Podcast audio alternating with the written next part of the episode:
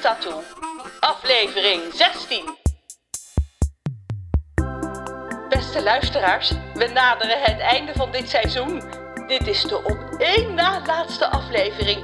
Ah, nog even doorzetten. Nadat Niels, Jurre, Joppe en Vic een pik van kraai hebben gekregen, is de grote prikdag echt begonnen. Vrouwen, mannen, kinderen en alles daartussenin beklimmen één voor één de trap en buigen zich voorover zodat kraai zijn werk kan doen. Af en toe roept iemand auw, maar de meesten ondergaan de behandeling met een glimlach. Dank u wel, heilige kakka, dank u wel, stamelen ze dan, terwijl ze door Rons moeder de trap af worden gedirigeerd richting Rons vader, die hen opwacht met de kraaienkrachtcreator. Die snort en piept onafgebroken. Af en toe helpt Reus klanten in een rolstoel of met een rollator. Onder luid applaus tilt hij ze op, tot vlak voor de snavel van Kraai. Ik hoor nog niks, roept een gepikte klant na een tijdje. Ik ook niet, roept een ander. Kraai gebaart naar Rons moeder dat ze de microfoon voor zijn snavel moet houden. Heb wat geduld, lieve mensen.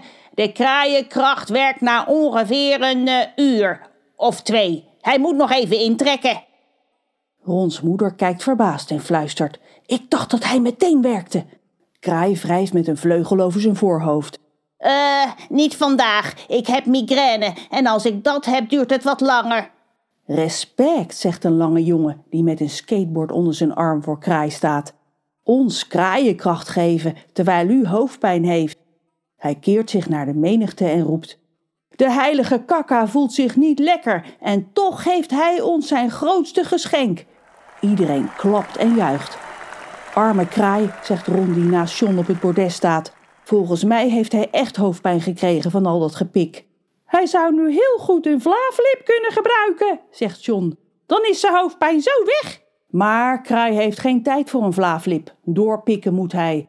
Zijn snavel wordt er bot van en de kraaienkrachtcreator begint in de hand van Rons vader op te warmen als een zondags croissantje in de oven. Volgens mij werkt de kracht al, roept een man op het gazon, die pas vijf minuten geleden aan de beurt is geweest. Want jij dacht net, als hij die nieuwe auto wil, dan gun ik hem dat, zegt hij tegen de vrouw die naast hem de pik tussen haar ogen in een spiegeltje staat te bekijken. Dat dacht ik helemaal niet. Vinnig klapt ze het spiegeltje dicht. Er komt geen nieuwe auto. Klaar. En al ruziend loopt het stel naar de uitgang.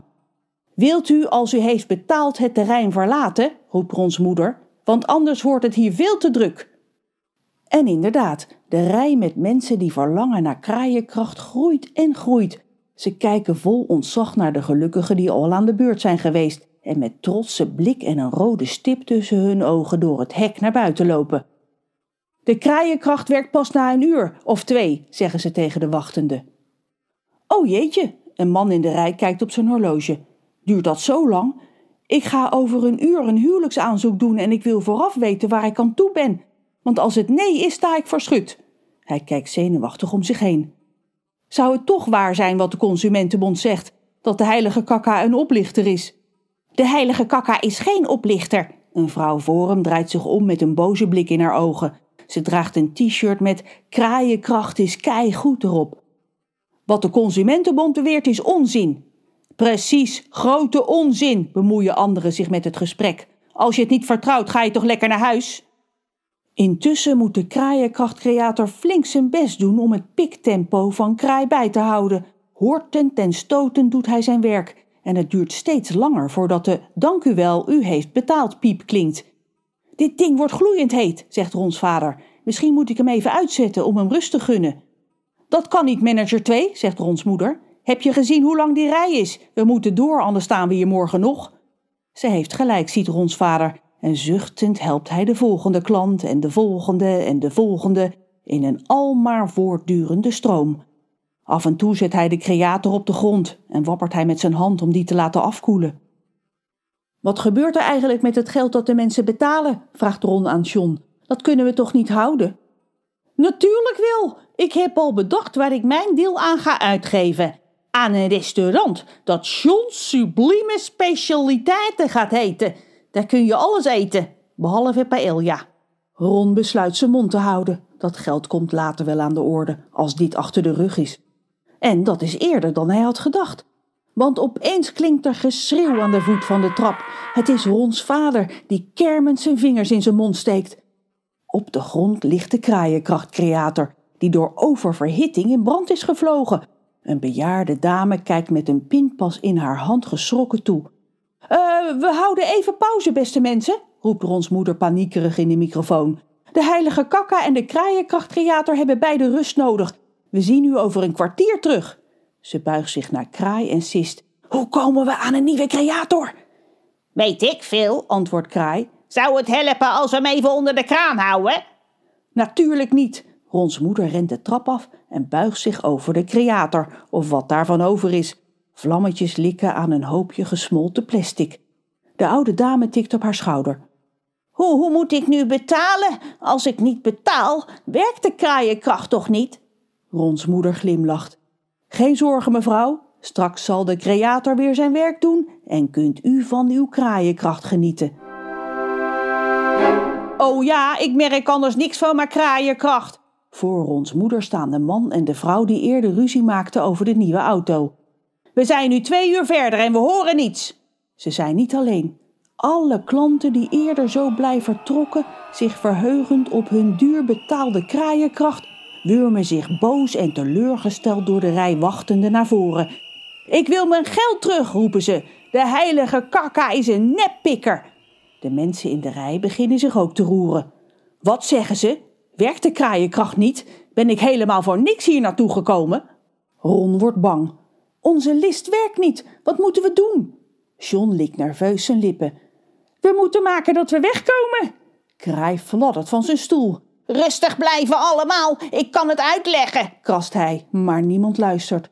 Rons ouders rennen hand in hand weg van de trap om aan de kwade klanten te ontkomen. Ron zet het op een lopen. Hij wil naar ze toe, ook al kan hij niet veel tegen zoveel boosheid beginnen. Hier blijven jij, gilt John, maar Ron rent door.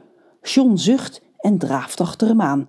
Ik kan dat joch niet aan zijn lot overlaten, hijgt hij. Ook al heb ik daar wel zin in. Opeens maaien zijn voeten door de lucht, omdat Reus hem optilt.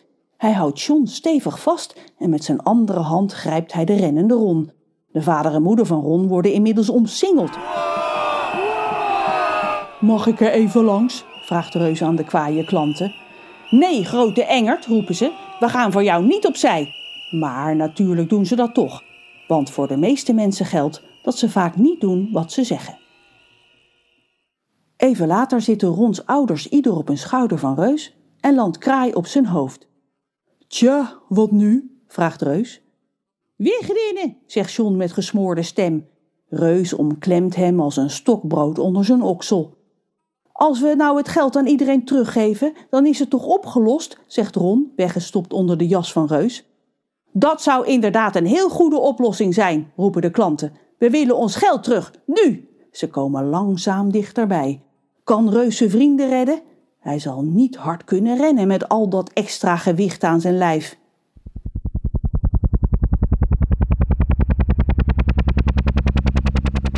Luid geronk overstemt het geschreeuw van de menigte en iedereen kijkt verbaasd omhoog. Een helikopter komt snel dichterbij. Hij maakt een draai, daalt en blijft vlak boven Reus in de lucht hangen. In de openstaande deur zit Butler Roel met een megafoon aan zijn mond. Pak vast, Reus, roept hij en hij laat een touw zakken. Reus grijpt het vast en de helikopter komt in beweging. Daar gaat die enorme man met nog altijd Rons ouders op zijn schouders, John onder zijn oksel en Ron onder zijn jas. En met Kraai natuurlijk, die zich met zijn klauwen stevig vasthoudt aan de lange haren van Reus en zich laat meevoeren. Weg van de menigte, weg van de heilige kakka. Wauw, een helikopter! Daar zou ik ook wel eens een tochtje mee willen maken. Wie bestuurt dat ding eigenlijk? Nou ja, dat horen we in de laatste aflevering. De laatste. Tot dan! Ron Willem Tattoo is geschreven en geproduceerd door Margot de Graaf.